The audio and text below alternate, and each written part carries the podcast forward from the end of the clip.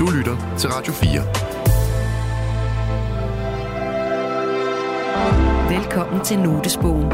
I dette program er det journalist Torben Sange, der åbner sin notesbog.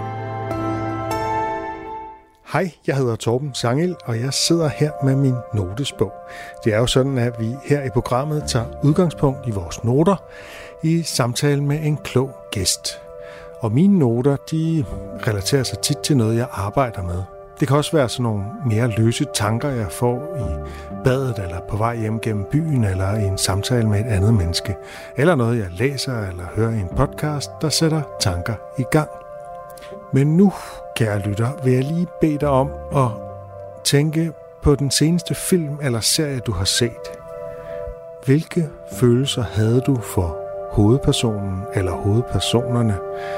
Du får lige et par sekunder til at komme i tanke om det.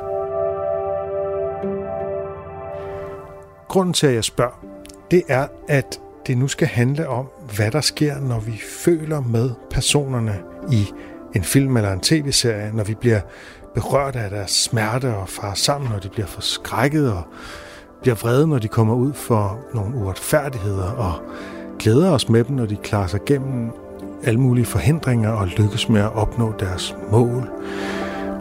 Selv forbrydere og usympatiske personer kan vi komme til at følge med, hvis vi får handlingen fra deres perspektiv, og det, det provokerer mig faktisk. Og når vi ser pinlige situationer, så krummer vi tær. Hvordan kan fiktive personer, som vi lige har lært at kende, vække så mange følelser i os? Det skal det handle om i dag. Vi skal forbi Star Wars og Breaking Bad og The Office og meget andet. Min første note, den lyder sådan her. Når vi ser en film eller serie eller læser en bog, så lever vi os følelsesmæssigt ind i de karakterer, vi følger. Man plejer at sige, at vi identificerer os med hovedpersonen eller hovedkaraktererne, men det er, synes jeg, en uheldig måde at tale om det på. Jeg tror snarere, vi skal tale om sympati og empati, end om identifikation. Og det vil jeg lige uddybe. Der er to grunde til, at det er problematisk at tale om, at vi identificerer os med fiktive personer. Den ene betydning af at identificere sig med en person, det er, at man sætter sig i personens sted, altså at man oplever nærmest, at man bliver til hovedpersonen og gennemgår det, de gennemgår. Men det er jo ikke det, der sker. Altså selv når vi er mest grebet, så tror jeg ikke, vi oplever, at vi er hovedpersonen, når vi gennemgår det, de gør. Men vi kan have så meget empati med dem, at vi, vi kan nærmest mærke, hvad de føler, og vi kan have så meget sympati med dem, at vi holder med dem også langt mere, end vi måske ville gøre, hvis vi mødte dem i virkeligheden. Den anden betydning af identifikation, det er, at vi har nogle grundlæggende ting til fælles med den person, som vi identificerer os med. Vi har en fælles identitet, altså det kan være køn eller race, eller alder, eller seksualitet, klasse, kulturbaggrund, whatever. Når jeg ikke er så glad for den tanke, så handler det dels om, at jeg ikke tror, den holder i praksis. Altså, det er lidt at undervurdere publikum og tro, at vi kun kan leve os ind i personer, der minder om os selv. Det er næsten narcissistisk, hvis man har det sådan. Hvis man er et menneske med helt almindelig empati, så kan man sagtens leve sig ind i nogen, der er meget forskellige fra en selv. Jeg har for eksempel begyndt at se serien The Bear, lidt sent kan man sige, men jeg føler ikke mest med hovedpersonen Carmen, selvom han er en hvid mand. Jeg føler mere for Sydney, som jeg intet har til fælles med. Hun er en sort, ung, kvindelig kok i Chicago. Intet til fælles med mig. Men fordi hun er mere åben og lettere at aflæse, så har jeg lettere ved at forstå hende, og jeg føler derfor også mere med hende. Problemet med ideen om, at vi identificerer os med dem, der ligner os selv, er også, at det er blevet brugt af filmbranchen i mange år som en begrundelse for, at hovedpersonerne i de fleste danske film skal være hvide middelklasse-typer, der minder om os selv. Men altså, film kan jo netop give os indblik i, hvordan andre har det. Så derfor må man droppe den her idé om, at vi skal se os selv, eller dem vi gerne vil være, op på lærredet. Så øh, det skal ikke handle om identifikation, så meget som det skal handle om empati og sympati selv med skurkagtige typer og seriemordere, og det skal også handle om, hvorfor noget kan være så cringe, at vi næsten ikke kan holde det ud. Det var nemlig nogle af de ting, jeg talte med min gæst Maria Månsson om. Hun er filmanmelder og kulturskribent og tidligere tv-vært på programmer som Filmselskabet og Geist. Her er vores samtale.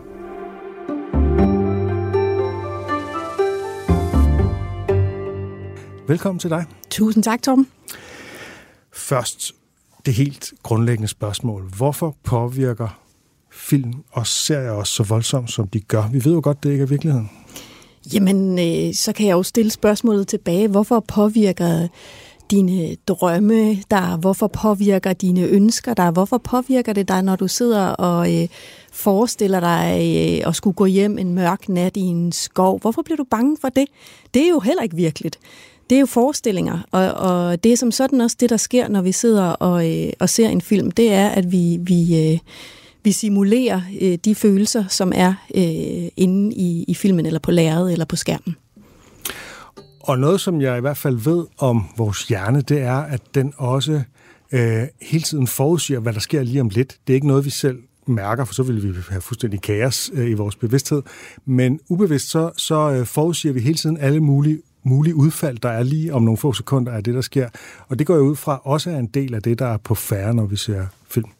Jamen det er det, øh, og, og øh, alle de her øh, ting sker jo i en øh, stor øh, sammenkogt ret af, af ting, vi kan styre og ting, vi ikke kan styre, øh, hvor vi har øh, sådan et autonomt nervesystem, som ligesom øh, reagerer øh, og på frygt eller på glæde eller øh, sådan øh, eksplosivt. Øh, og så har vi også øh, et nervesystem, som ligesom arbejder i den modsatte retning, som, som prøver at øh, øh, afdæmpe og som, øh, som får os til at slappe af og som får os til at intellektualisere det øh, og sætte ting i rammer og prøve øh, at forstå, hvad er det for en kontekst, øh, vi ser de forskellige ting i. Og det må være henholdsvis det sympatiske og det parasympatiske Præcis. nervesystem, du Præcis. taler om. Ja.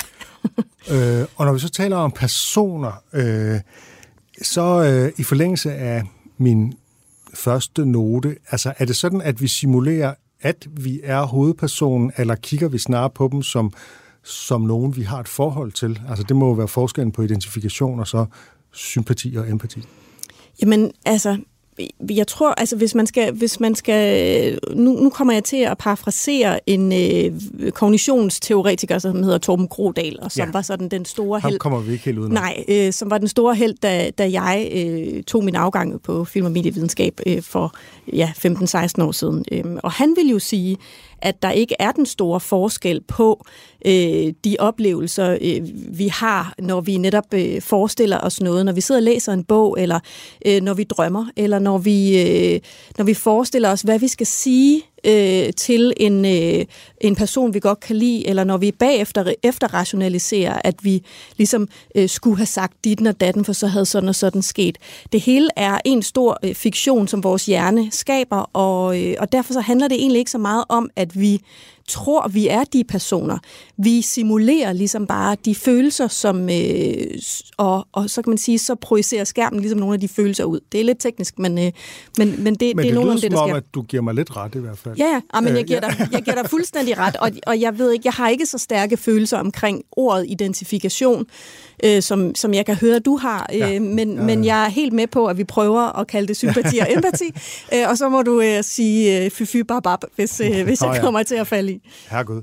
Øh, men hvis vi taler om sympati og empati, så øh, føles det jo tit ad, men det behøver de jo ikke at gøre. Altså man kan godt have empati uden at have sympati, og sikkert også omvendt. Ja, og, og jeg tror, at det her med, med empatien i virkeligheden også er noget, der er opstået med psykologien. Øh, at det her med, at det er meget vigtigt for os som race nu, øh, og, øh, at kunne øh, sætte sig i andre menneskers sted og forstå deres øh, forståelsesramme i virkeligheden. Og øh, øh, man kan ligesom... Øh, jamen, jeg har, sådan en, jeg har sådan en tese om, at vi måske i virkeligheden også er lidt på vej i den modsatte retning nu øh, med de sociale medier og sådan, at hvor vi næsten er blevet for trætte af at skulle sætte os i øh, den anden sted. Ligesom du siger, at, at du måske kan blive træt af at, øh, at skulle sidde og se på, øh, på, øh, på figurer, som du måske ikke holder af på skærmen, øh, og, og det er lidt det samme, der sker med de sociale medier. Altså, at vi sidder, vi, vi orker faktisk ikke at lytte på andre folks standpunkter mere, fordi vi er så sikre på vores egne. Så jeg tror måske, at det i virkeligheden ikke er jeg tror, sympati er medfødt, men, men, jeg, men jeg kan godt forestille mig, at, at empati måske er noget, som vores kultur og vores civilisation i virkeligheden også øh, kultiverer og opdyrker i allerhøjeste grad. Nu åbner du for en meget stor pose ja, om empati, som er et program i sig selv. Ja. øh, men lad os, øh, ja, lad os kigge lidt tilbage på filmen, og øh, jeg tænker jo, der er nogle film, hvor der ikke arbejdes så meget med at spille på vores indlevelse. Hvis man tager sådan en, en filminstruktør som Peter Greenaway, eller sådan noget, ikke?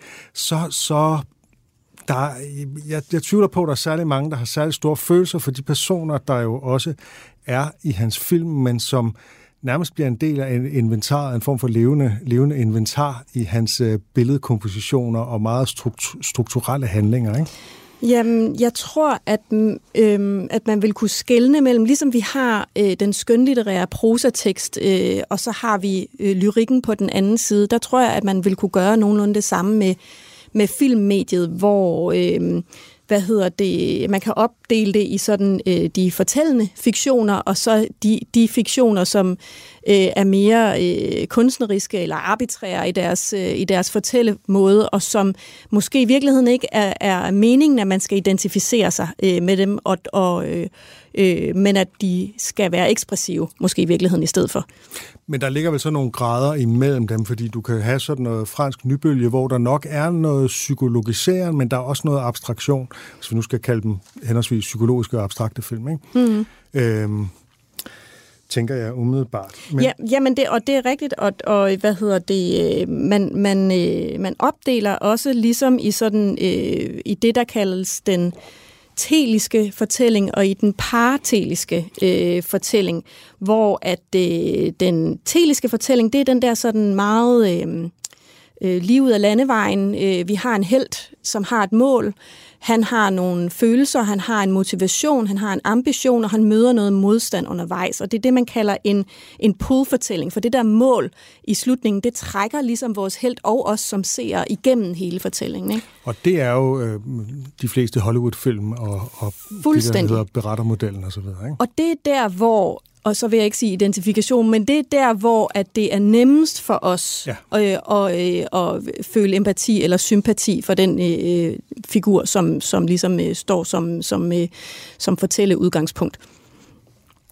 Øhm, lad os kigge på, hvilke virkemidler man så kan bruge, hvis man vil pull, hvis man vil trække os øh, ind i, øh, i at have en følelsesmæssig relation til øh, karaktererne. Du har allerede været inde på, på øh, det her med, at man i manuskriptet altså kan arbejde med, at vi har en hovedperson, der har en stærk drift mod et mål, og så møder han nogle forhindringer, og der er nogle hjælpere og modstandere, hele de der figurer, der i virkeligheden går helt tilbage til eventyrene i sidste ende. Ikke? Jo, klart, øh, og, og, øh, og det er jo så ligesom i den dramaturgiske ende, men der er jo også masser af sådan filmtekniske greb, du kan bruge øh, til det samme. Øh, du kan jo bruge kameraet til at... Øh, at fortælle, om vi er tæt på øh, eller ikke tæt på et menneske. Øh, hvis du øh, zoomer helt ind og ser et menneskes ansigt meget tæt på, så vil du automatisk begynde at, øh, at, at føle sympati eller empati med det her menneske, fordi at ude i den virkelige verden, så vil vi ikke være så tæt på et andet menneske, med mindre at det er nogen, vi har et eller andet nært fællesskab med. Øh, vi er ikke vi har en intim sfære, og hvis folk kommer tættere på end det, så er det fordi, at det er tætte relationer. Så hvis, jeg kommer til at tænke på Jeanne d'Arc af Drejer, når du siger det, hvor man ser hende helt utrolig meget i close-up. Ja. Og, og det blev også øh, brugt som sådan et, øh, et nybrudseksempel i, i psykologisk øh, film, øh, og, og, og hvordan vi pludselig blev øh, sat ind i hendes hoved, øh, og hvordan vi pludselig kunne forstå den lidelseshistorie, frem for når vi så hende øh, på lang afstand Der er også kameravinklen, altså ser vi øh, mennesket oppefra eller nedefra, hvis du... Ja, hvad gør det? Jamen, hvis du, ser, øh, hvis du placerer kameraet nedenfor dig og kigger op, så vil du automatisk se meget stor og magtfuld ud. Du vil måske endda se truende ud. Så selvom at du er det rareste menneske, og kameraet kun... Øh, det er derfor Bertel Hård, han sagde, du skal fandme ikke fotografere mig nedefra. Og det var Uffe Ellemann. Nå, var det Uffe Ellemann, ja. Det var Uffe Ellemann. Jeg, det var Uffe, ja. jeg skulle lige til at nævne ja. netop det eksempel, ja. ikke? Nå, han det kender var udmærket de der middelvidder ja, som gamle, som gamle tv Lige præcis. Og, og, det, og omvendt, så hvis du bliver filmet oppefra og ned, jamen så kan du komme til at se lille ud, og måske øh, komme til at synes som et offer. Så er der også noget som... Øh, et blik i kameraet. Øh, ja. hvis, man, hvis man bryder med den her øh, fjerde væg, som det hedder, og øh, en karakter i en film begynder at kigge i kameraet for eksempel, så, så vil du øh, pludselig opleve, at du som ser er en del af den sociale situation, som er i øh, fiktionen. Og det vil sådan, så siger man, det skaber sådan en parasocial øh, situation, og du vil pludselig dobbelt så meget opleve øh, den følelse, som, øh, som er i, inde i fiktionen, eller i diagesen, som man kalder det. En serie som Fleabag bruger det meget. Præcis, præcis. Og The Office, som øh, du også nævnte før, og som vi måske kommer, som vi kommer tilbage til, til at tale om. Og så er der også, øh, der ligger virkelig meget magt i klipning. Øh, du kan jo øh, du kan jo få en person til at virke som om, at han eller hun afbryder hele tiden, hvis at du øh, klipper øh, den tale ind, øh, inden et andet menneske er færdig med. Så de faktisk bliver lidt irriterende? Så de bliver irriterende. Det kan også være noget med, at nogen svarer for hurtigt, eller at pausen er for lang, så de kommer til at virke tøvende. Du kan også øh, med musik, øh, et meget, meget stærkt virkemiddel. Øh, er du sindssygt? Ja, der kan du gå ind og tone en scene, så du kan have en mand, der sidder og, øh, og spiser lige så stille og roligt. Øh, og hvis du så sætter øh, rum musik på, jamen så vil du automatisk sidde og tænke, at han pynser på et eller andet ondskabsfuldt. Ikke? Altså det er jo sådan noget, som Christian Taftrup har brugt, blandt andet i Speak No Evil, hvor han jo øh, hvor han tog de her parmiddagssituationer, øh, som egentlig var bare sådan en helt almindelig parmiddag, hvor folk sidder, og så satte han sådan noget truende, ulmende, øh, sådan øh, droneagtig musik ned under, så man sådan tænkte hele tiden, det her, det er en tikkende bombe, ikke? Og det blev jo så hans sådan øh, øh, metakommentar til, til parforholdet og til, øh, til, hvor farligt det er, den der øh, påtvungne hygge og, sådan, øh, den, og den sociale situation, det er, ikke? Og omvendt kan man også virkelig sådan øh, trække i empatisk retning ved at spille noget sådan lidt sørmodig musik, når nogen de er sådan eftertænksomme og triste og sådan noget, ikke? Øh, men også selve lyden, tænker jeg, kan man jo også, altså du kan, du kan lydmæssigt, altså real lyd, øh, kan være, du kan sørge for at være inde i hovedet på en person, så hvis personen bliver slået, så lyder det meget højt, ikke? Det er sådan, altså, så, du inde, så, så får du den subjektivitetsvinkel, du får simpelthen vinklen fra øh, Rocky, en Rocky-film eller Fuldstændig. sådan noget, ikke? Og hvis, du, hvis, vi, hvis vi bruger øh, den, øh, det, det fiktive eksempel, eksempel fra før med manden, der sidder og spiser, hvis du forhøjer hans mundlyd, så han begynder at smaske meget højt, så så kan du også godt komme til at sige, ja, ja. ja. det tror jeg, du skulle til at sige noget andet, ja, fordi så bliver det virkelig irriterende. Ja, men og, så, så på den måde kan, har du jo enorm magt som, som, øh, som filmskaber til at tone altså både karakterer og scener og hele film til øh, at, at, at skabe øh, empati og sympati hos dem, der ser den. Du lytter til Notesbogen på Radio 4. Når man så bruger løs af de her virkemidler, så er det så, at man kan få os til at holde med selv nogle mennesker, som vi vil afsky i virkeligheden, og det er det, som min anden note handler om. Den lyder sådan her. Jeg er indimellem meget provokeret af, hvordan film og serier kan få mig til at holde med narkobagmænd, svindlere og seriemordere, hvis bare de får lov til at være hele mennesker og centrum for det hele.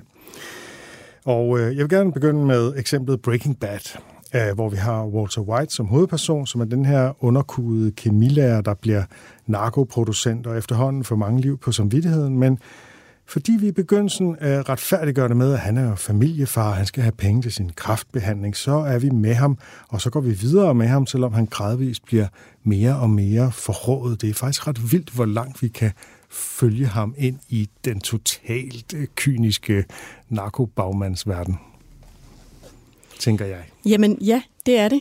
Men så længe at, at han er et handlende, følende menneske med en klar og tydelig og principielt set også logisk ambition, så vil man simulere sig ind på hans plads, eller i hans følelser.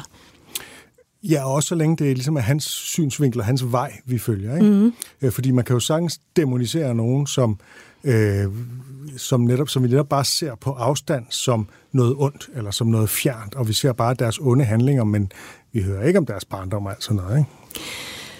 Nej, det, det gør vi ikke. Øhm, og og øh, jeg, jeg, tror ikke, man, jeg tror virkelig ikke, man skal underkende den magt, der ligger i fortælle udgangspunktet øh, i, i en film. Vi er øh, kodet til, at hovedpersonen i en film på en eller anden måde er helten, uanset om det er en reluctant hero, eller hvad det er. Øhm, og, og, øh, og på den baggrund, så, øh, så sidder vi jo, og det gør man jo også med Breaking Bad, selvom det er sådan en, en, en nedadgående spiral hele vejen igennem, hvor man tænker, nu kan han ikke komme ud mere, nu kan han ikke komme ud mere, så sidder vi jo som ser altid med sådan en, en følelse eller et håb om forløsning, eller et håb om, at man kan sådan som psykologisk væsen komme så langt ud, og så alligevel finde vejen tilbage. Ikke? Altså, så, der, så der ligger også sådan et, øh, på en eller anden måde en spejling af vores eget, egne mørke sider, eller vores egne skyggesider, at vi vil gerne øh, Øh, blive, blive øh, jamen, bekræftet i, at det kan lade sig gøre at komme tilbage derfra. Jeg vil gerne pege på en, øh, en anden person fra Breaking Bad, som ikke er hovedperson, nemlig ham, der hedder Mike Ehrmantraut. Han er en gammel håndlanger og legemorder, og sådan en, der fikser alle problemer for sin mafiaboss. Han arbejder vist nok freelance, øh, ligesom os andre, øh, men i noget anden branche. Og i begyndelsen, der synes vi, at han er forrådet og et virkelig ubehageligt menneske. Men så langsomt finder vi ud af, at det er mere nuanceret. End som så i Breaking Bad, der finder vi ud af, at størstedelen af hans overskud faktisk går til hans barnebarn, en lille pige, øh, som han holder meget af. Så vi kommer faktisk til at holde af ham. Og øh, han har til synligheden også en slags øh, kodex, han lever efter. Der er sådan grænser for alligevel, hvad han vil gøre, selvom han gør nogle ret slemme ting. Men tit så dem, han er op imod, de er også bare endnu værre end ham, og så bliver det også lidt retfærdiggjort og sådan noget. Øh, det, er, det, det provokerer mig lidt. Jamen, det kan jeg sagtens forstå. Øh, og øh, Grodal, han vil kalde det kognitiv dissonans, øh, når det er, ja. at du oplever en uoverensstemmelse mellem, at du får en form for sympati med et menneske, som du i dybest set er voldsomt uenig med den livsførsel, han har.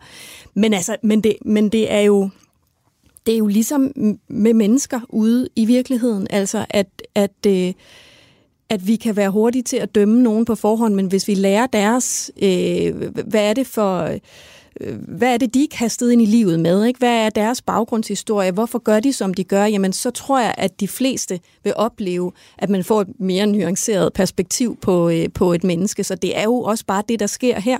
Altså, du starter med at synes, han er en koldblodig røvbanan, og, og så finder du ud af, hvorfor han, øh, han agerer, som han agerer, og måske kan han ikke agere anderledes i det liv, han er sat i. Øh, og, og derfor så oplever du at din øh, sympati med ham stiger i løbet af serien. Der er et berømt citat af en forfatter, hvis navn er øh, forsvundet af tekniske grunde fra mine papirer. det lader vi være med at gå ind i. Ja, det går vi ikke ind i. Men øh, hun sagde, man kan ikke have nogen, hvis livshistorie man kender. Ja. Og Svend Brinkmann har så lavet en justering af det her ved at sige, at det er svært at have nogen, hvis man kender deres livshistorie. Og jeg, der er nok lidt mere med Svend Brinkmann. Jeg tror ikke, at, at selv hvis jeg kendte hele Peter Madsens livshistorie, jeg er ikke sikker på, at jeg sådan, vi får sympati med ham. Men det er sværere at have nogen i hvert fald, hvis man kender deres baggrund. Og det er jo meget interessant, ikke? og det er jo også sådan, man netop kan demonisere Øh, også i virkeligheden, altså dels på film, men jo også i virkeligheden, det er jo sådan, du, hvis du er soldat og udsendt, så handler det jo om at tænke mindst muligt på, at det der, det er et menneske med en familie, du er i færd med at skyde.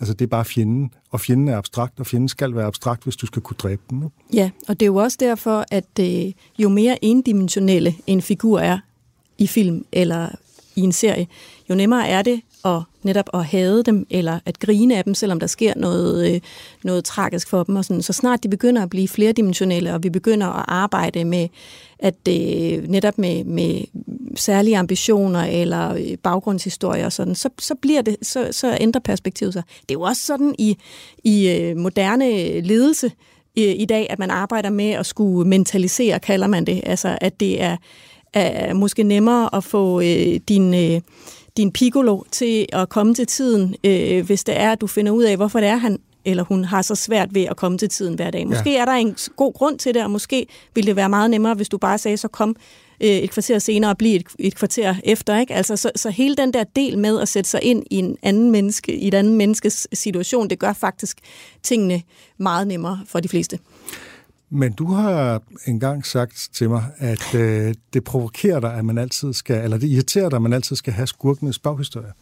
Jamen, og det, det, det Jamen, jamen øh, jeg tror ikke, det er fordi, det provokerer mig. Øhm, men, men, øh, men jeg tror bare, at jeg kan, jeg kan fornemme en modreaktion på, øh, at det hele tiden skal være synd for nogen, der gør noget slemt. Øhm, og, og øh, at jeg kan godt, jeg kan mærke, og det er måske også bare min indre svinehund, at der ligger også noget ansvarsfornægtelse i, øh, og, øh, og sige, jamen det er også fordi, at jeg har øh, øh, morproblemer eller farproblemer, øh, at det er derfor, jeg gør, som jeg gør. Det er synd for alle mennesker, uanset hvordan de tager sig. Jamen, og, og, og, og du går ikke liv, gennem livet uden modstand. Øh, og så er der jo så nogen, hvis modstand er altså fundamental, øh, og andre, hvor den er mindre fundamental. Ikke? Men, mm. men modstand er et vilkår, ligesom det er i alle fiktioner. Altså, der, øh, der taler man jo om, at det er i modstanden, at fremdriften sker, og sådan er det jo også lidt med livet. Jeg vil bringe det mest provokerende for mig, det mest provokerende eksempel på bane, som faktisk er den egentlige anledning til, at vi er her, som er serien You på Netflix. Øh, hovedpersonen, som hedder Joe, han er stalker, han er seriemorder, han er narcissist, vil jeg våge at påstå. Øh, og man bruger så, for at få os til at holde med ham, det er jo noget af en bedrift i sig selv, så bruger man ikke bare de virkemidler, vi har talt om nu, der er også decideret, han er også decideret fortæller, altså der er sådan en voice-over hele tiden, en voice-over, som yes, i sig selv, jeg synes nærmest er kvalmende, fordi den er så indsmirrende og sådan noget, måde han siger you på og sådan noget, det er øh. Øh, vi er inde i hans hoved, vi får det fra hans perspektiv i en ekstrem grad, og vi får også så drøbvis historien om hans forfærdelige opvækst, øh, og han søger jo også bare kærligheden, og han er hele tiden villig til at prøve at ændre sig. Det skal, hver, hver eneste gang, han gør et eller andet forfærdeligt, så er det sidste gang. Nu, nu, nu ændrer han det, siger han til sig selv, vil at mærke. Ikke? Øh, men så snart noget kommer i vejen for ham, så viser der sig jo det her, at selvopretholdelsesdriften, den trumfer alt det andet, han har gået og fortalt sig selv. Og det tror jeg er en meget typisk narcissistisk ting. Men det, der provokerer mig, det er, at jeg på en måde sidder, når jeg ser, ser serien, så sidder jeg og holder med ham og håber ikke, at han bliver opdaget, fordi det er også lidt sjovt, hvis han kan fortsætte og sådan noget. Ikke? Og når jeg så er, ligesom er lidt på afstand af det, så provokerer det mig dybt, og jeg håber, at han bliver sat inde på livstid, og er ikke overhovedet kommer i nærheden af andre mennesker igen. Det er, altså, der kan du virkelig tale om uh, kognitiv dissonans big time, ikke? Jo, men og så kan jeg jo spørge dig, hvad, hvad er det lige præcis ved den? Er det hans handlinger, eller er det det, at han taler indsmirrende? Altså føler du, at han... Nu bliver det Monsons Brix, det her. Ja, kom med det. Nej, men, men, men, men jeg, jeg er bare interesseret i, om, om det er fordi, at Torben Sangil, han føler, at, øh, at, at, at du bliver øh, inkorporeret i hans virkelighed, eller om du, eller hvad, hvad er det, der sker i dig? Det det forstyrrer jo mine moralbegreber, fordi at jeg i virkeligheden ville fordømme sådan en person, han er, og fordømmer sådan nogle personer, som han er. Øh, og jeg har selv engang været for tæt på en, en narcissist og kan genkende nogle træk. Ikke? Øh, og så det provokerer mig, at man kan manipulere mig til, på trods af, at det går imod alle mine værdier, og så holde med ham, og altså også bagatellisere nogle af de ting, han gør. Nå ja, men det var jo også en virkelig irriterende person. Jamen, en virkelig irriterende person, det, du kan jo ikke, man kan ikke bare slå virkelig irriterende personer ihjel. Altså, og nu skal det lige siges, det har jeg ikke fået nævnt, det her det er en, en dramakomedie, så der er med, det er med et glimt i øjet. Det er ikke, det er ikke et, et mørkt drama, det her, hvor vi bliver suget ind. Det er, det er faktisk øh, en lidt, man kan sige, lidt grotesk øh, komedie, dramakomedieserie. Øh, øh, som jeg faktisk kan anbefale. Men jo, men det provokerer mig, at, øh, at man kan gøre det, fordi at jeg netop, altså, men det indsmirrende ved hans stemme, altså det, det er bare fordi, jeg ved, hvad den stemme, at den, den stemme er ham, der prøver at fortælle sig selv, at han er et bedre menneske, end han faktisk er. Men altså, i psykologien taler man jo også meget om triggerpunkter, og måske netop fordi du kommer med den baggrund, du kommer med, hvor du har en særlig oplevelse med en narcissist før, så, så, så skaber lige præcis den her serie. For jeg har også set den, men jeg bliver ikke lige så provokeret af det, som du Nå. tydeligvis gør. Så jeg tænker også, at der er et eller andet i det her med, at det trigger noget i dig, at det trigger måske, at du er blevet forført af den type øh, Ja. snak Jeg førhen. forstår, hvad du siger, ja. Så, så, så på den måde, så, Så, kan man sige... ikke, det, bliver ikke, det bliver ikke helt uskyldigt for mig, eller sådan noget, fordi det faktisk på en måde, der, der, der kan komme, der, det kan forstyrre med noget virkelighed. jeg Jamen, og, og fordi at dit affektive system, det genkender øh, nogle ting, som, som, øh, som det ved, øh, at der skal du ikke hen igen. Og, og så reagerer dit system voldsommere på det, inden at du ligesom kan sige, at men det er jo også bare en serie, altså. Og så bliver du irriteret over, at du bliver vred. Det kan jeg ikke øh, udelukke. Jeg kan heller ikke helt bekræfte det, for jeg ved det ikke. Nej. Øhm, men, men lad mig så spørge dig, Maria. Kan du mærke, at du også indimellem kommer til at holde med altså, øh, og tænke, jamen så får nu bare hende der slået ihjel, og så lad os komme videre med plottet? Ja, men det tænker jeg tit. Jeg, jeg har en, Det tænker du tit. Nej, ja, men, ja, ja, men jeg har en voldsom mørk side, øh, og det er jo også en del af det. Altså, og, og det er jo også noget, som, som øh, det her også leger med, øh, at vi ufarligt kan lege med vores skyggesider og, og se konsekvenserne øh, og, øh, og de i anførselstegn oplevelser, det giver øh, at, at opføre sig virkelig brutalt og, øh, og uhensigtsmæssigt i samfundet. Ikke? Øhm, men, men jeg kan for eksempel have det svært. Øh, det er der, hvor jeg oplever en, øh, en kognitiv dissonans. Det er, hvis jeg ser... Øh, øh, serier som Succession, for eksempel, som min hjerne ja. fortæller mig, er øh, en virkelig velfortalt, velskrevet, velspillet. Den er så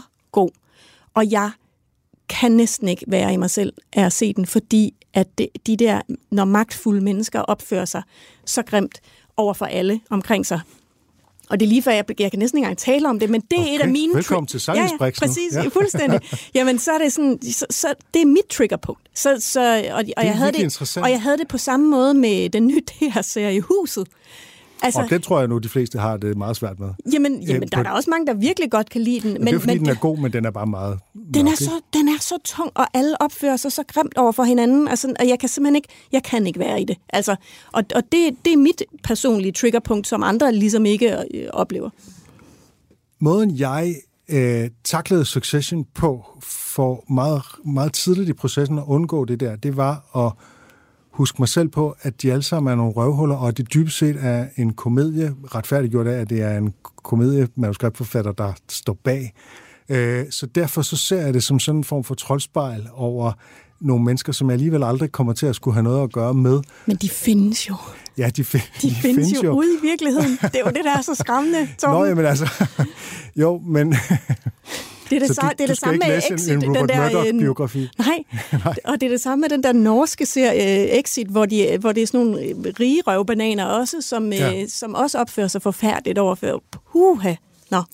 Men det der sagen er, at når nogen er nogle røvhuller, og det så går dem dårligt, øh, så, så kan jeg ikke lade være med at frydes lidt over det. Og sagen er, at man kan fryde sig ved, at de heldigvis ikke har det særlig godt. Det kan godt at de har det langt bedre i virkeligheden. De går rundt og danser på vej til den svejsiske bank og et eller andet. Ikke? Men, men øh, øh, jeg tror, det der med, at, at man kan se, at de har det af helvede til. Øh, alle sammen faktisk. Det er sådan en eller anden, øh, det, det er sådan en eller anden trøst i alt det der. Jamen, og det er jo den psykologiske mekanisme, hvor du ligesom bekræfter dig selv i, at hvis min indre svinehund, hvis jeg gav, gav den frit spil, så vil jeg få det af helvedes til, hvis jeg opførte mig, ligesom de opfører sig overfor dig. Så bliver du ligesom bekræftet i den verdens, altså den forestilling, vi har om, at hvis vi opfører os ordentligt over for hinanden, og, øh, og viser respekt og er hensynsfulde, øh, at så, så ender det med, at verden faktisk er et bedre sted. Og det er vel ikke så dumt igen. Øh, Andre eksempler på, på den her effekt kunne være Sopranos, og den serie, der hedder Barry, som også er sådan et komediedrama. Øh, Men jeg kom lige til at tænke på, i reality shows, der, øh, der holder vi jo aldrig rigtig med røvhullerne, selvom at øh, de får lov til at forklare deres vinkel, for eksempel gift ved første blik, eller sådan noget. Der dømmer vi jo alle sammen med præcis samme målestok, som vi ville gøre ude i virkeligheden. Det er måske derfor, det hedder reality. Både og, vil jeg sige. Reality er jo øh, et meget, meget stærkt iscenesat stykke faktafiktion. Og redigeret. Faktion, som man kaldte det i nullerne. Øhm, det, det er voldsomt redigeret, og øh, ofte så vil man jo fra øh, tilrettelægger og redaktørernes side, så vil man jo øh, ud fra det råmateriale, der er, så vil man jo finde ud af, hvem er det, vi skal spille ud som skurk i den her sæson af Paradise Hotel.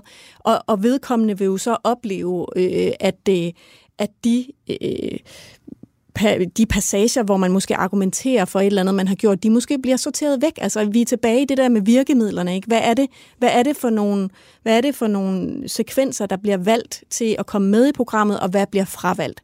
Jeg ved ikke, om du kan huske helt tilbage i den jeg tror, det var den første Big Brother, hvor, øh, hvor, hvor at, øh, der kom sådan noget konspirationsparanoia inde i huset. Og hvor, de brød ud af huset, kan Jamen, de brød både ud af huset, og de var overbevist om, at de ligesom blev manipuleret med og klippet om, så de sad og lavede sådan nogle fakter, mens de blev interviewet, fordi at, de, øh, at øh, så ville man kunne se, hvis der blev klippet i det.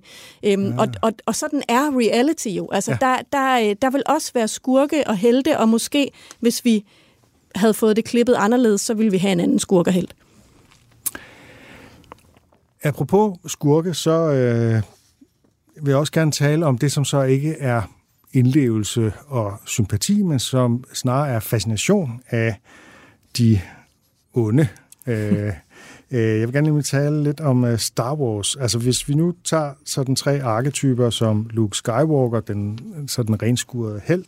Vi har Han Solo, som er sådan det, det frække røvhul, eller hvad vi nu skal kalde ham. Den, den, den frække sådan øh, fyr, der måske er god nok på bund. Og så har vi Darth Vader, som er decideret den onde, så er det jo interessant, at det er jo ikke Luke Skywalker, som folk de bliver, øh, som, som børn klæder sig ud øh, som til faste laven, og som øh, man er mest fascineret af, og heller ikke efter de tre første film, hvor at jeg jo tænker, at Darth Vader, han har ikke nogen psykologi, han har ikke noget ansigt, han er bare sådan ligesom rendyrket ondskab, sådan fascistisk øh, et eller andet leder af en masse øh, ens øh, hjernedøde øh, stormtroopers. Ja, Hvorfor? Hvorfor er han så fascinerende? Jamen, For han er jo ikke, der er jo ikke nogen af de mekanismer, vi har talt om på spil rigtigt.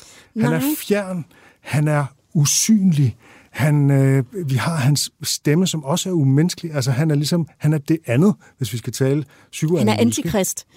Jo, men, men, men, han, men han er jo samtidig, hvis vi har, hvis vi har uh, Luke Skywalker som Jesus-figuren, hvad jeg lige vil sige, ikke? og så har vi uh, Darth Vader som, uh, som antikristen, uh, så, så, uh, så ligger der jo en masse dels fascination i magt. Øh, og der ligger en stor fascination af mørke. Altså, vi er jo, vi er jo også fascineret af, øh, jeg var lige ved at sige, øh, det er ikke fordi, at jeg er kristen på nogen måde, men vi er jo fascineret af ondskab, og vi er jo fascineret af det, den mørke side af os selv, og af netop den her indre svinehund.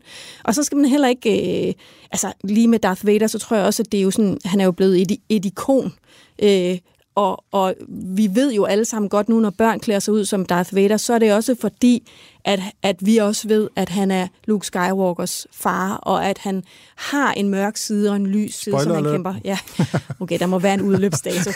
Helt ærligt.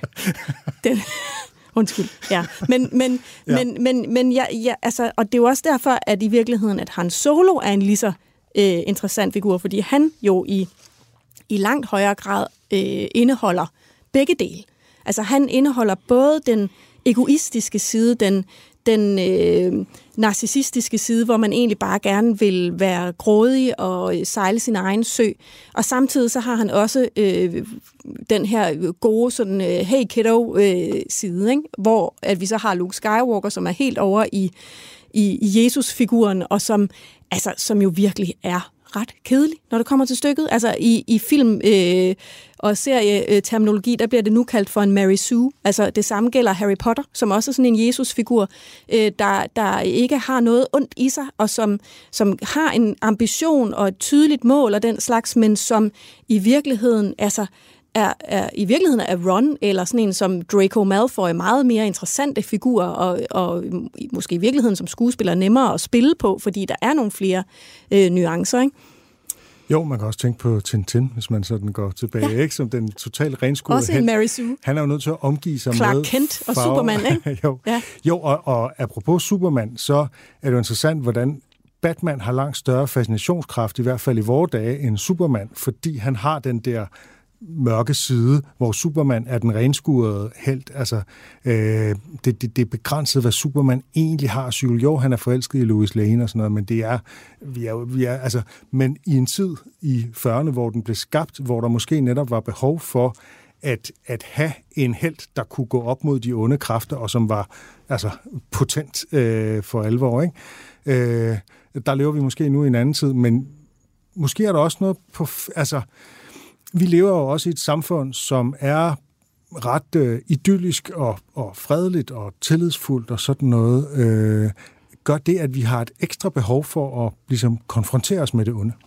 Det tror jeg i allerhøjeste grad. Altså, jeg havde for nyligt øh, en samtale med Hans Peter Hågen, som er retsmediciner og krimiforfatter, og vi talte om øh, om øh, blandt andet om hele sådan true crime-bølgen, og i hele tiden vores sådan, den skandinaviske, voldsomme, nærmest altså perverterede fascination ja. af, af, af sådan ægte ondskab, og, og det grusomme, og det morbide. Og der fortalte han, at jamen, hvis man kommer til Mexico eller Venezuela eller sådan nogle steder, så sidder de og ser sæbeopera. Der de, har de slet ikke øh, den samme fascination af, af grusom vold, som vi har her. Altså, jo Nå, mere ordentligt og civiliseret. Du kan også se det i Japan. Altså, det, det er sådan et ordentligt og pænt samfund.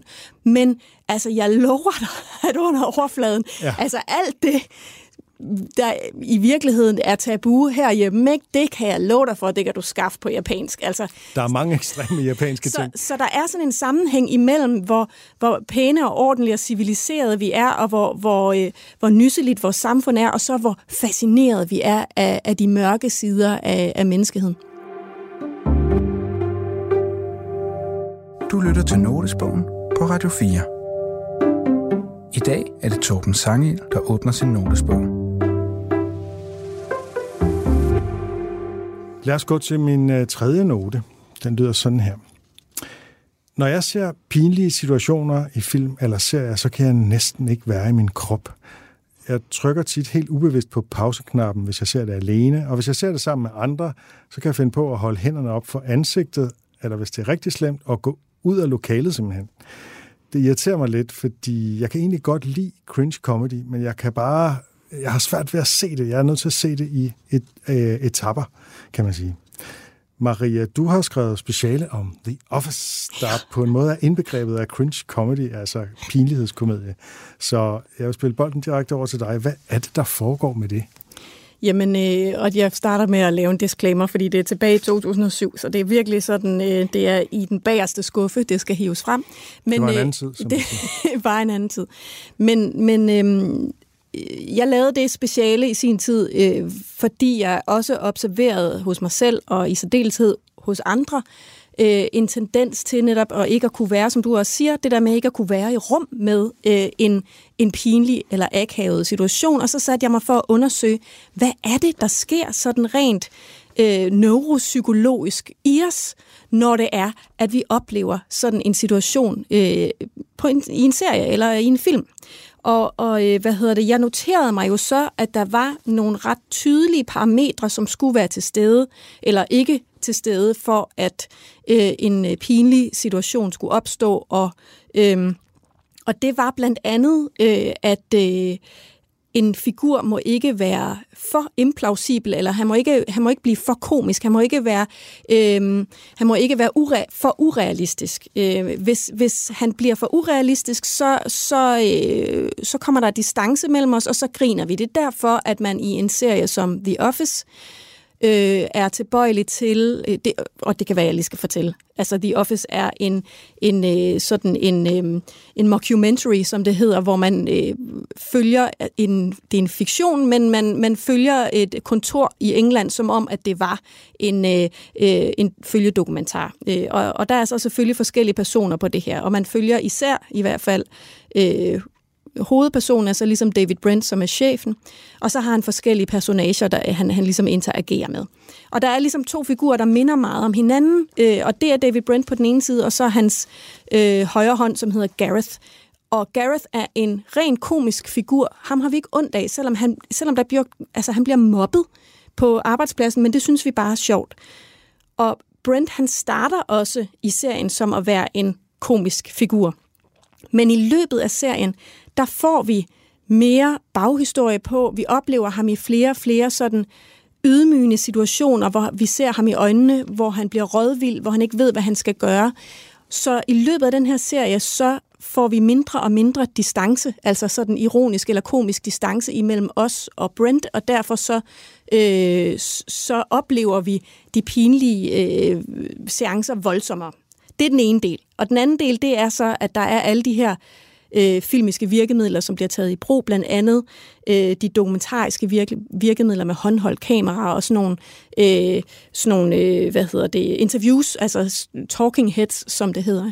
Det er sådan noget, der gør, at, øh, at vi er kodet til sådan konventionsagtigt, at det er dokumentar, og derfor er det virkelig mennesker. Så når han så går ud bagefter og laver et eller andet grotesk pinligt, så vil vi simulere den situation inde i hovedet. Ja, så, den, så de der realisme-effekter, det gør det, det gør det pinligt, det gør ekstra det værre. pinligt. Ja. Og så er der jo også øh, noget af det, man ellers bruger i øh, komedieserier, det bruger de ikke i The Office. Altså blandt andet øh, laugh track, som øh, jo koder en til at sige, åh, det er bare sjovt, ikke? Øh, det er også sådan noget, der er heller ikke øh, som sådan underlægningsmusik. I mange komedieserier, så har man også sådan en lille jingle, der afslutter hver en scene, sådan beding dung dung og så Det var går man Seinfeld, videre. du havde der. Ja, præcis. og så ved vi, nå, så ved vi, okay, øh, det var så ligesom øh, slutningen på den her scene. Nu ved vi, hvad vi skal føle. Nu er, nu er vi færdige. Ikke? Og i den her serie, der, er, der slutter vi ofte på en pinlig pause, som kan vare sekunder. Og, altså død Hvor folk tid. bare sidder og kigger beklemt rundt og ikke helt ja, ved, hvad de skal præcis. sige. Og der tænker jeg også på, en del af det pinlige er jo også, at det er chefen. Altså, øh, David Brent er chefen. Så det giver jo sådan et eller andet, han er sværere og altså, man er, man er på en eller anden måde underlagt ham, så man er nødt til, selvom man, at de også driller ham lidt og, og ryster og ruller øjnene af ham og sådan noget, så, så er de også nødt til at have en eller anden form for respekt for ham. Han har en magtfuld position, og, og den magt, den forsvinder jo så i løbet af serien, og det er i virkeligheden også derfor, at det bliver sværere at grine af ham i løbet af serien, fordi det er nemmere at grine op af, øh, og, og øh, uden at føle med lidenhed. Ikke? Ja, så empatien går faktisk lidt i vejen for, for latteren her. Ja, og, og latteren går i den grad i, i vejen for empatien i virkeligheden. Og det er jo også derfor, Ja. at, at øh, hvis du har en klassisk øh, komediefilm, altså, eller jeg vil, jeg vil lige vil sige sådan noget som Gø og Gokke, eller sådan noget, ikke? Altså, at, at så kan de komme ud for grusomme ting, og vi sidder jo ikke og græder med dem, selvom de bliver kørt over en bil og bliver fladet, vel?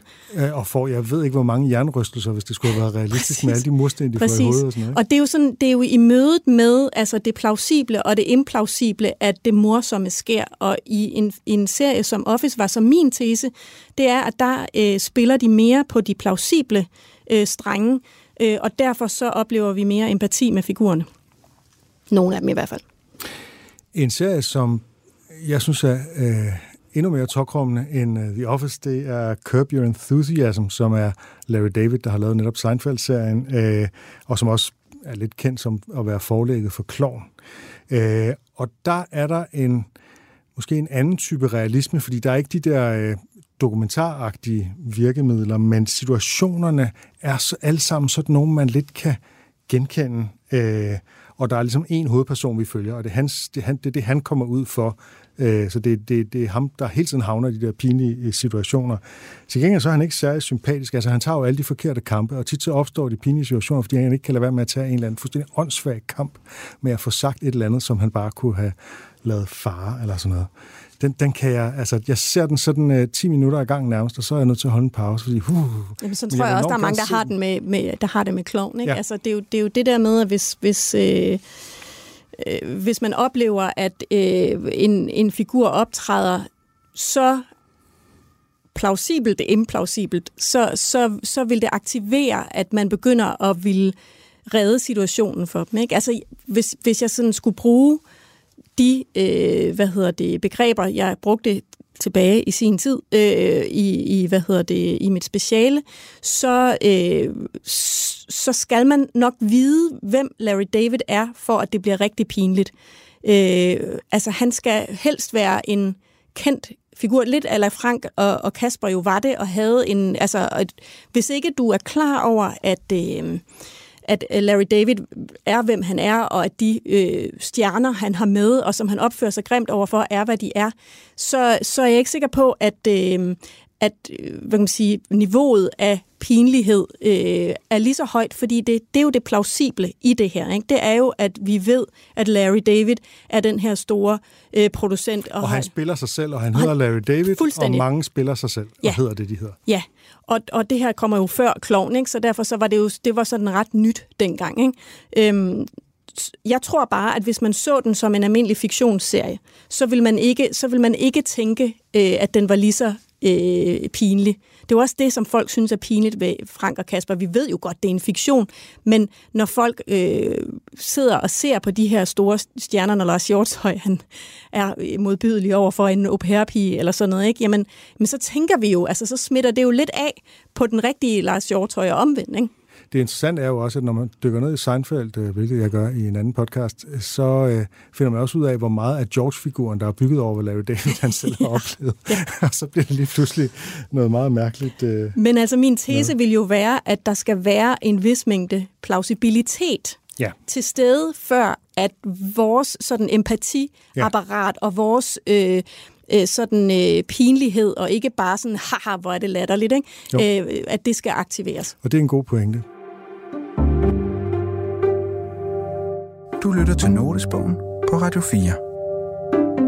I dag er det Torben Sangel, der åbner sin notesbog.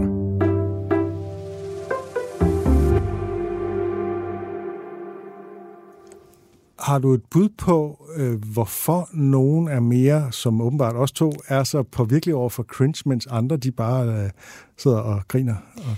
Jamen, jeg, jeg er ikke lige så påvirkelig, som du er. Og min endelige konklusion på, på det speciale, det var faktisk, at jo mere empatisk et menneske du er, jo sværere har du ved at være i rum med øh, situationer på en film eller på et lærred, som parasocialiserer øh, øjeblikket, altså gør det, gør det pinligt.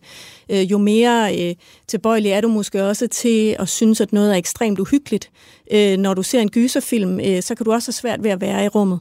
Øh, så, så jo mere du sådan ligesom er, i, øh, er over i øh, fiktionen, sådan rent affektivt, øh, jo, jo mere har du, øh, og i virkeligheden også over i andre mennesker, så det er jo, det er jo en skøn ting, øh, at, du, at du prøver at ligesom gå ind og, og lave defensivt, øh, sådan, øh, øh, eller ikke defensivt, men sådan, øh, du prøver at reparere på den sociale situation. Øh. Øh, men i forlængelse af det, så øh, kan det blive for meget med alle de her følelser, så meget, at jeg øh, reagerer modsat, og det er det, min sidste note, den handler om. Den lyder sådan her. Da Titanic fik premiere i 1997, sad jeg i biografen Imperial med korslagte arme og forsøgte at undgå at gøre det, som alle andre i den kæmpe sal gjorde, nemlig at græde. Jeg ville ikke. Og det var fordi, jeg følte mig manipuleret. Jeg følte, at James Cameron trykkede effektivt på alle mine knapper, men at det var et følelsesmæssigt overgreb, for jeg synes, det var en åndssvag og overfladisk film, og jeg ville ikke give efter. Kender du det? Øh? Ja, det kan du tro. Og især James Cameron. I hvert fald hans seneste. Han er slem. Altså, jeg har ja. lige set den første Avatar, eller jeg kunne faktisk ikke se den færdig, for jeg synes simpelthen, den var så forudsigelig, at det var forfærdeligt, apropos på rettermodeller. Ja, ja men, men, men, øh, men det, det sidder jeg tit med. Og, og, og nu ser jeg jo rigtig mange film og serier, fordi jeg også skal anmelde dem. Og, og, øh, og når du først er klar over de forskellige virkemidler, der er, så, så, øh, altså, så føles det jo nogle gange som om, at det er sådan en skruetvinge, du sådan meget tydeligt kan se, okay, der kom strygerne, okay, nu får vi nærbilledet, okay, nu kommer tårnen, ikke? og så ender jeg med at sidde og knibe mig selv i armen og kigge ned i hjørnet, fordi jeg også nægter at, at græde over Og vi vil gerne have vores frie vilje, ikke? Det er jo lidt ligesom i Clockwork Orange, hvor han simpelthen bliver uh, tvangsindlagt og får spærret øjnene, for at få tvunget sine øjenlåg op, så han skal se ja. et eller andet holocaust. Men du har, ikke, du har ikke nogen fri vilje, hvad det angår, fordi din krop reagerer. Du, du kommer i effekt uanset, og, og, og og i virkeligheden er der jo også en katarsis i at så lade det der vandværk ja. køre. Altså, jeg vil bare gerne selv bestemme, hvornår jeg giver efter, og ja. hvornår jeg ikke giver efter, for ellers så er det, det føles som et overgreb. Altså, der er samtykke, tak. Ikke? ja, det er oppe i tiden. Så, så i virkeligheden, inden hver film, så skulle der sige, this movie jeg, jeg will try to convince you to cry, so either go with the flow or stay away. Ja. Maria Monsen, tusind tak. Det var en fornøjelse. Selv tak.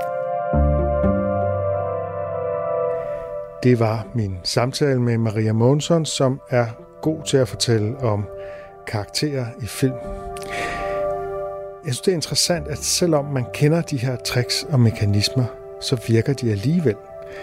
Det er næsten det mest provokerende, at vi er indrettet til at lade os forføre af skærmen eller lærredets karakterer, så det nærmest er umuligt at lade være. I hvert fald i den type film og serier, der ønsker, at vi skal gøre det. For der findes jo også udtryk, især i europæisk film, der arbejder med sådan lidt en større distance. Så det er jo noget, man kan skrue op og ned for.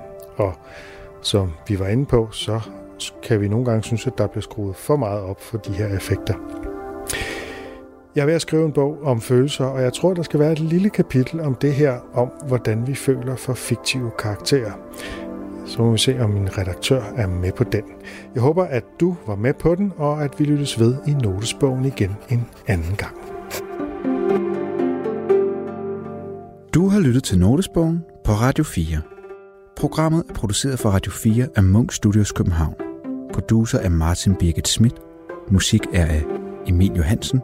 Og Rune Born Svarts og Michelle Mølgaard Andersen er redaktører.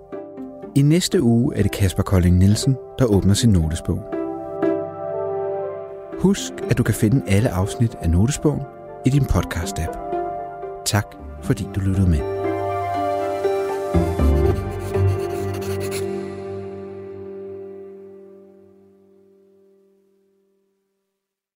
Du har fået til job at synge kor for ABBA. Jamen, jeg var ikke simpelthen klar over, hvor sindssygt det egentlig var. Det var jeg jo ikke. Jeg var jo bare ni år og glad i låget. Musik er en hurtig genvej ind bag facaden. Jeg følte jo, at alle de sange var til mig. Ind bag den offentlige person. Jeg kiggede ind i et mørke.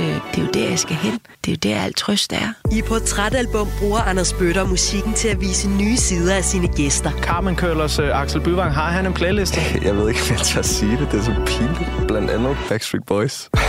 Lyt til Portrætalbum i Radio 4's app, eller der, hvor du lytter til podcast. Radio 4. Hold kæft, mand. Det tror Ulla Terkelsen ikke, det der. Ikke så forudsigeligt.